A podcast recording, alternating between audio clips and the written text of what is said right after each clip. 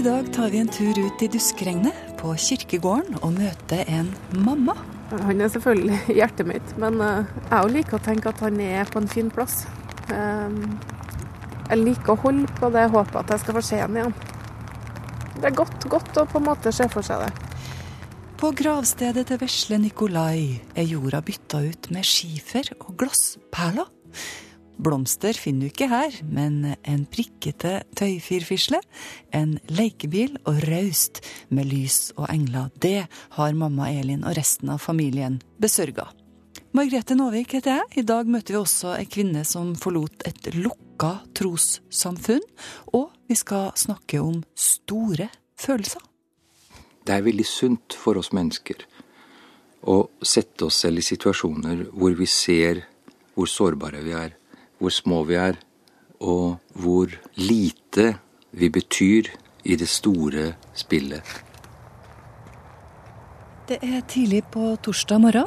Torsdag før allehelgensdag. Jeg er på vei til Moholt kirkegård i Trondheim. Her ligger om lag 8000 døde. Kristne og muslimer, ateister, rike og fattige. Alle skal ha et gravsted. Mellom alle de her steinene helt nord på kirkegården så ligger det et helt spesielt gravsted. Et som skiller seg ut. Her skal jeg møte Elin. Kirkegården er så svær at vi må ha telefonkontakt for å finne hverandre. Uh, nå er det en traktor rett oppe meg, for å si det sånn. Men uh, jeg er ikke så bevandra her, heldigvis. Men det er Elin. Dessverre. Elin Busch Reitan vet godt hva som er nord og sør, for å si det sånn. Hun har vært her i både sol og regn de siste drøye seks åra. Hei. Hei. Elin. Margrethe. Trivelig. Ja. Du har vært på sightseeing på hele kirkegården? Ja. Det har det. Jeg ante ikke at det var så svær, og ikke at det var noen nedi her. Det er ruskevær, og regnet trommer på Elins paraply. Hun tar meg med bort til det viktigste stedet på kirkegården for hun. Her ligger Nikolai, født 28. mai 2006, død 29. mars 2007. Han ble bare ti måneder gammel, Nikolai. Han fikk en plass i sola her, og det er ikke noe mørkt og dystert gravsted vi kommer til. Så vi ønska oss um, en plass i sola. Det var et ønske vi hadde. Ja. Se her, da. Her er det noen som har vært før, for å si det sånn. Ja. ja. Her er det uh, Sanne har vært med og bestemt hvordan det skal være oppå her. da. Sanne som er ni år. Sanne som er ni år. Det er noe med når ungene kommer hit, så sitter de og kikker på tingene, og så leker de kanskje litt, og så putter de det tilbake. og så vi bøye oss ned litt? Ja. Bare for ja. å komme litt nærmere. Så um, noe har nå vi tatt med, og noe har nå venner tatt med. Å oh, ja. Hender det at du kommer hit, og så ligger det noe her som du ikke har sett? Ja, det er ofte det. Hvordan virker det, da? Jeg blir egentlig veldig glad. Mm. Jeg syns det er kjempekoselig. Det er noe med det at andre tenker på den. Um, det, det, det, gjør noe med mammahjertet, det. At det ikke bare er vi som er her. Og så er det et bilde av den. Ja, og så er det et bilde. Den herre firfisla her har ligget der helt siden. Den har ligget der i sju år snart. Den ligger nå oppå steinen der og holder seg fast. En liten litt sånn blassgrønn? Blassgrønn har den sikkert. Med røde prikker. Ja. Tøy. Tøy. Med sånn erter inni, eller hva det er for noe. Den skiller seg litt ut, den grava. Ja, den gjør egentlig det. For meg så var det litt viktig at, at jeg, For jeg syns det var så fælt med jorda og det mørke hullet. Så derfor så la vi skiferhellene ned, og så har vi fylt det med glassperler. Så her er glassperler, altså. Mm. Blåe og blanke og grønne og mm. Hver vår så vasker vi så det er fint her. Pynte og ta bort litt gamle leker. Legge til litt nye. Varme med klut og ja. kost og såpevann. ja. Når det er varmt og godt i været, så tar eh, gjerne Elin og ektemannen og de to jentene deres, Sanne og Dina, en benk et annet sted fra på kirkegården og setter den ved sida av gravstedet til Nikolai. Og jentene leker litt med alle de fine tingene. Bortsett fra en eh, svart lekebil, så er alt lyst og lett. Og alle tingene her har en historie. Det store skjellet der tok jeg med hjem fra Trinidad og Tobago i sommer. Når vi var der, så var det jentene som var plukka skjell. Så det er litt sånn at uh, både du og ungene og mannen din tenker på når dere er Å ja. ute og reiser, f.eks.? Å ja. Spesielt når man, eh, når man har det som best. Det er egentlig da det er som verst òg. Det er noen som mangler. Noen Ja. som ikke er med oss. Kan du fortelle hva som skjedde med dem? Ja. Um, nå er det vel seks og et halvt år siden, så uh, var det dagen før påske. Og um, vi skulle på påskeferie uh, på hytta. Den morgenen så fant vi en død i senga. Det ble forsøkt gjenopplivning, men jeg, jeg visste vel innerst inne at det var for seint. Så sånn snur det fra lykke til ulykke. Eh, vi hadde laga bryllupsinvitasjoner dagen før og hadde lest korrektur på dem. Vi har vært sammen i ti år når mannen min fridde, og um, heldigvis så gjennomførte vi. Og det var egentlig første dagen vi hadde lov til å smile etterpå. For da var det på en måte tillatt. Nesten sju år etterpå kan Elin også smile på gravstedet til sønnen sin. Til og med le, sjøl om det er tunge dager fortsatt. Så tunge at hun lar være å dra akkurat hit. Men jeg syns det er godt å gå hit stort sett. Å få sitte her og om sommeren og ungene er rundt og fikse og ordne. Det, det er en god plass. Men du sier at du kan skrike her, og at du kan pusle her. Kan du fly flire her? Ja. Uh, Storesøstera synger sanger innimellom. Mm. Så, så det er en god plass å være, til tross for at, at man kjenner at, at sorgen er stor når man er her. Man skulle gjerne ha sluppet å ha en grav å gå til. Elin tar opp en plastpose med pynt, bytter ut noen lykter. Og bare så det er sagt, ingen av dem er svart, verken dem hun tar bort, eller de nye som hun setter på plass. Hun tenner noen lys og legger på en nydelig krans av granbar med hvite silkebånd rundt, som familien til lille Nikolai har laga. Fortell om eh, Nei, se der, da. Er det sånn eh, Sånne batterigreier? Batterilys. Vi må ha en oh. blanding der, så fordi at da er de her hele tida. For de bare i Det er nok litt med om det er veldig kaldt, for da kan batteriene gå der òg. Ja. Men eh, Akkurat. de varer ganske lenge. Men du, fortell hvorfor det er viktig med engler her, da. Eh, jeg tror det er litt den der barnlige forestillinga. Ikke nå jeg synes at den er fin sjøl, da. Men, eh, men at Sanne og, Sanne og Dina, da, storesøstrene, eller Sanne er storesøster og Dina er lillesøster, de, de tror jo selvfølgelig at, at Nico er en engel. Og selvfølgelig, når det er stjerneklart, så er det den fineste, sterkeste, blankeste stjerna. Det er jo han. Jeg syns det er en fin ting. Så da tenker jeg da kan det være fullt av engler her. Jeg syns det er en Jeg syns det er et fint bilde. Mm. Men du, da? Hvor er han for deg? Han er selvfølgelig hjertet mitt, men eh, jeg liker å tenke at han er på en fin plass. Eh, Jeg har liksom ikke noen sterk forestilling om hvor det skal være hen, men, eh, men jeg, jeg liker å holde på det håpet at jeg skal få se ham igjen. Så velger jeg å tro at det er noe sånt. Nei, det, er godt, godt å på en måte se for seg det. Du hører på Mellom himmel og jord i NRK P1. Kan vi egentlig skille mellom religiøse og ikke-religiøse mennesker? Eller er det kanskje sånn at vi alle har religiøse opplevelser, sjøl om vi ikke tror på Gud? Vi trenger de religiøse følelsene, trua på at noe er hellig, det åndelige og ikke minst ærefrykten. Det sier Jan Helge Solbakk. Han mener at her følelsene kan, og kanskje bør, oppstå, uavhengig av hva vi tror på. I går gikk jeg gjennom Frognerparken. Det var en fantastisk eh, fargespill på himmelen mot monolitten, denne svære statuen i Frognerparken.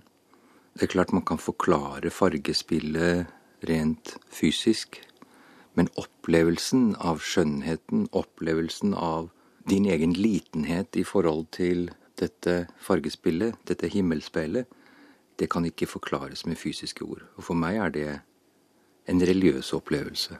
Men vil du si altså, Hvor foregår det her, vil du si? Eh, Er det i deg, eller er det en forbindelse mellom naturen og deg?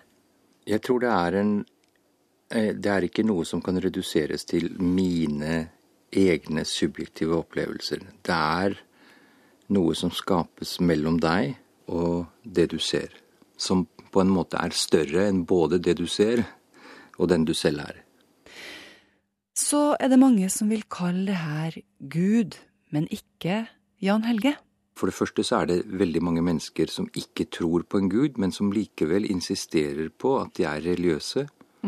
Jeg er gift med en kvinne som eh, ikke har noe gudsforhold, men hun er samtidig et dypt religiøst menneske.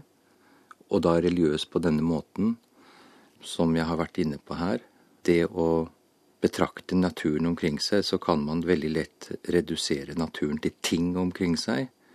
Ødeleggelsen av naturen, de enorme problemene vi har med forurensning osv., er jo dels en følge av at vi reduserer naturen til ting som vi bare kan bruke og kaste.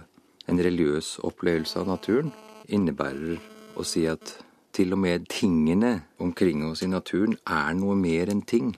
Akkurat så tenker jeg at det er mangel på en slags ærefrykt, eller å holde noen mang- hellig. Mangel på en slags ærefrykt. Jan Helge er professor i medisinsk etikk ved Universitetet i Oslo. Da han var tenåring og gikk på ungdomsskolen, så leste han om tankene til Albert Schweitzer. Tankene om en av de her viktige religiøse følelsene, nettopp ærefrykten. Altså, det består jo av to ord. Og det er på en måte denne kombinasjonen av noe som du ser opp til, noe som du ærer, og noe som du frykter, som på en måte gir uttrykk for det hellige, gir uttrykk for det religiøse. Jeg tenker på det du sa om at du føler deg liten når du kommer i en sånn stor natursammenheng.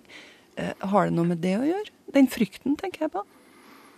Ja, eh, altså når, når vi bruker ordet liten i en sånn sammenheng, så uttrykker på en måte det både fryktaspektet, men også æresaspektet.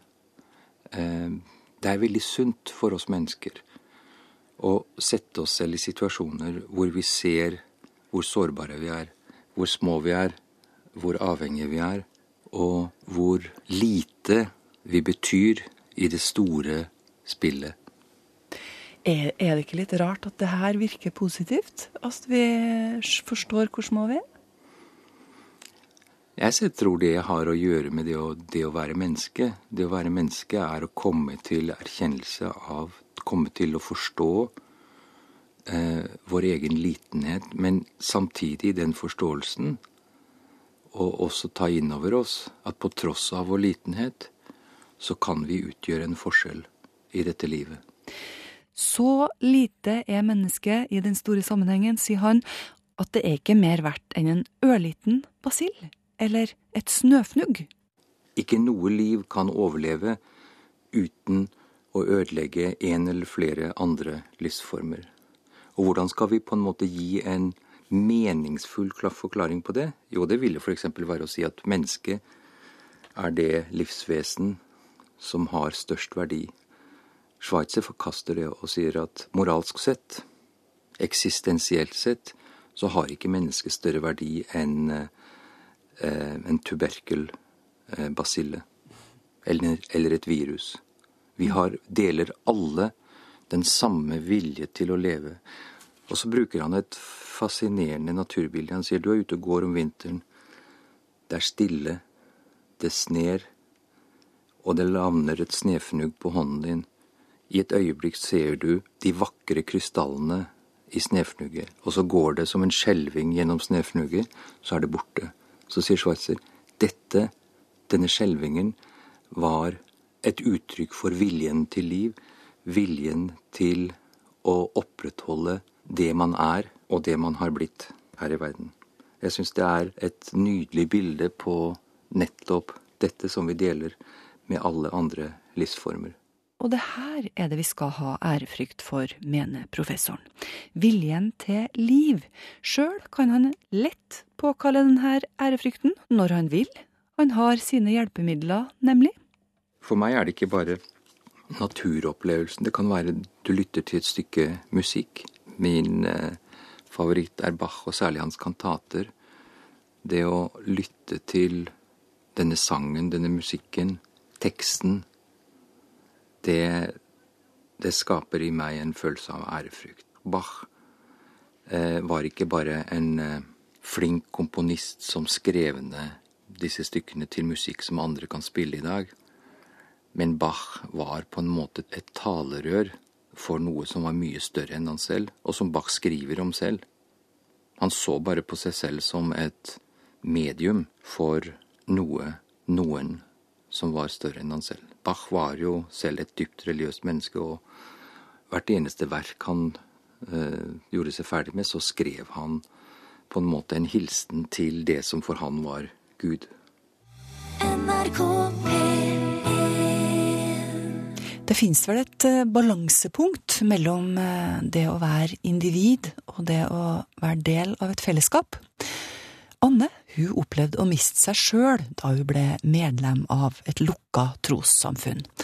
Nå er det over ti år siden hun brøyt ut og fant seg sjøl. Når jeg var 17, så var jeg veldig på leit. Leite etter de store spørsmålene. Det høres kanskje litt banalt ut. Eh, men hvorfor er jeg her? Anne, som vi bare kommer til å bruke fornavnet på, tenker tilbake i tid. Hun sitter i en stor, god, mørk sofa i leiligheta si i Oslo. På veggen henger brudebildet med hun og mannen på, nygifte og forelska. I dag ønsker Anne å fortelle litt om tida fra da hun var 17 til 24 år. Da var hun på jakt etter tilhørighet og svar på store spørsmål i livet. Jeg er født og oppvokst får jeg si, på bedehuset. Eh, vanlig bedehuskulturen. Eh, og alltid trivdes der. Eh, men var veldig på søken, veldig ute etter et miljø å passe inn i.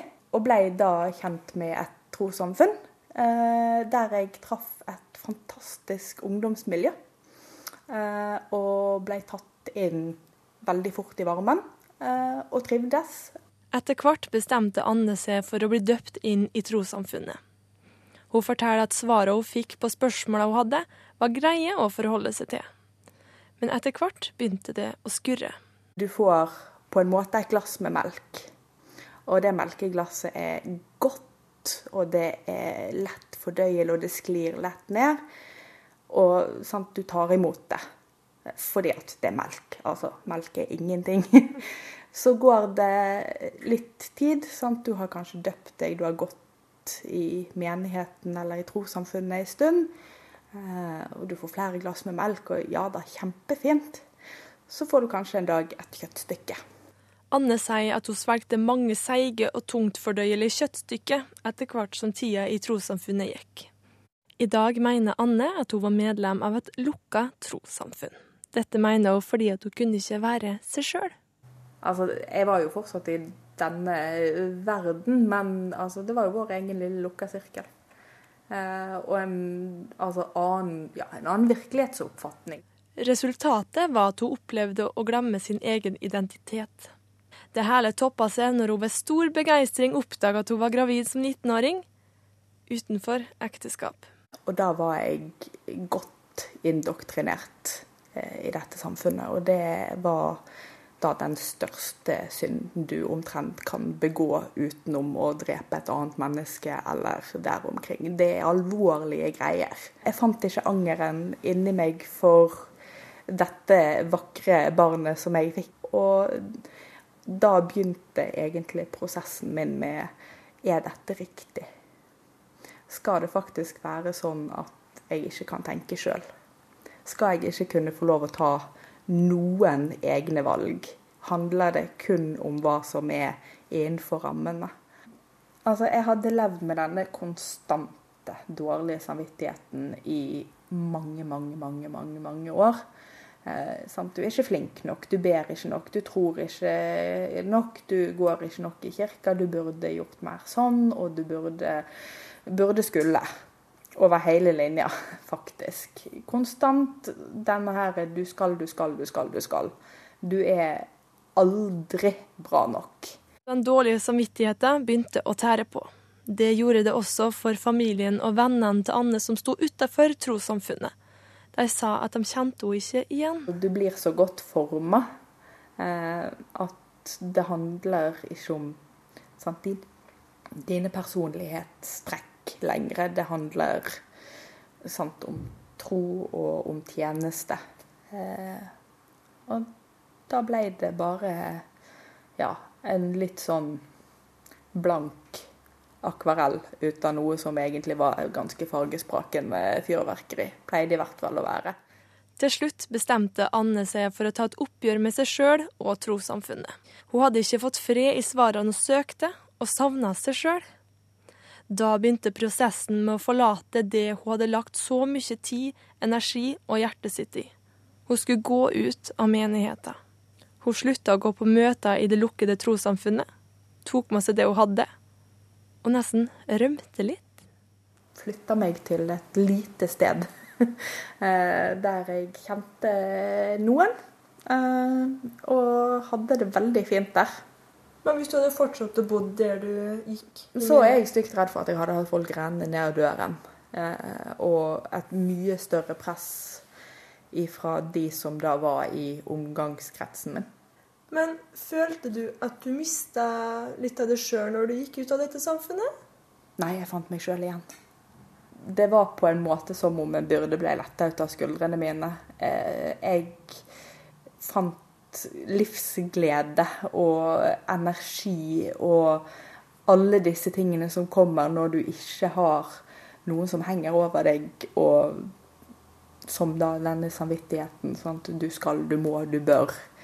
Eh, og når den ikke var der konstant hele tida lenger, så nei. Anne kan fortelle at hun var heldig. Utbryterprosessen hennes kunne vært langt verre om hun ikke hadde hatt familie på utsida som hun kunne støtte seg til. Jeg vil ikke si at det ble mentale problemer ut av det. Det var bare maktesløshetsfølelsen. Nå må jeg begynne på nytt igjen. Nå har jeg kasta et helt levesett på båten eh, og sagt ha det, snakkes. Hva gjør jeg nå? Når jeg ser på det i etterkant, så er det en spennende prosess. I dag er det over ti år siden Anne forlot det lukka trossamfunnet. Men kan det hende at hun savna det? Jeg vet veldig godt hvordan, altså hvor trygt det er å ha sant? Et samfunn, en menighet, en kirke å forholde seg til. Og noe av det savner jeg. Samholdet. Eh, vennskapet. Eh, det å ha tilhørighet. Men altså, prisen er for høy. Det handler om sant, det store bildet og evighetsperspektivet, som er fint og flott. Men jeg er litt glad i å leve i dag, jeg. I dag lever ikke Anne etter framtida. Hun har fått seg ektemann og engasjert seg i støttegrupper gjennom Hjelpekilden, som hjelper mennesker i religiøse bruddprosesser. Men hva sitter hun igjen med etter sju år som medlem av et lukka trossamfunn, hvor hun følte at hun mista seg sjøl? Jeg angrer ikke på at jeg har døpt meg inn i et lukka trossamfunn. Jeg angrer ikke på at jeg var medlem. Eh, jeg har lært masse. Eh, det har forma meg til den jeg er i dag. Eh, men jeg har, jeg har, virkelig lært noe ut av det. det. det. har lært meg noe om meg sjøl. Lært meg noe om hvor sterk jeg er. Hva verdier jeg faktisk har. Hva som betyr noe for meg. Og derfor så kan jeg ikke si at jeg angrer når det er utkommet ut av det. Det å faktisk få et helt annet perspektiv på livet istedenfor å lete etter noe som skal redde meg, i veldig store gåseøyne, eh, så kan jeg redde meg sjøl. Jeg kan være nok bare meg. Vi hørte eh, Anne, som ikke vil ha hele navnet sitt på radioen, i samtale med Benedikte Bjørkmo. Og det var det som sto på menyen hos oss i dag. Du finner oss på NRKs nettspiller også, og det ligger en eh, versjon aldeles uten musikk på nrk.no podkast. På vei ut så skal du få med deg en liten eh, historie fra en mattetime. Den handler om ni år gamle Sanne, som er storesøster til Nikolai, som døde bare ti måneder gammel. Som vi hørte om i starten på denne sendinga. Det er mamma Elin som forteller. De hadde hatt en, en episode på skolen, eh, det var i førsteklassen. Og så skulle de telle hvor mange, hvor mange søsken de hadde. Det var i matematikktimen, da de skulle telle søstre og brødre. Og Sanne teller to. Hun teller en lillebror og en lillesøster. Så sier jeg i klassen at eh, Men Sanne, du har bare ei lillesøster. Og så sier Sanne men jeg har en lillebror òg. Ja, men han er ikke her, du kan ikke telle han, sier hun. Men da hadde Sanne sittet og tenkt lenge, og så sier hun Du vet, den derre filmen eh, med jakten på nyrestein, hvor gutten går inn i kroppen til bestefaren sin på leiting etter det som er vondt. Altså nyrestein, da. Eh, Så kommer han til hjertet til bestefaren sin. Så er han inni hjertet, og så møter han bestemora si. Så sier han med bestemoren du, du er jo død. Ja, det er jeg, men jeg har levd inni hjertet til bestefar hele tida. Sånn er det for meg. Lillebror han lever i hjertet mitt hele tida. Og sånn syns jeg det er så fin, fint bilde på at sånn er det også for oss.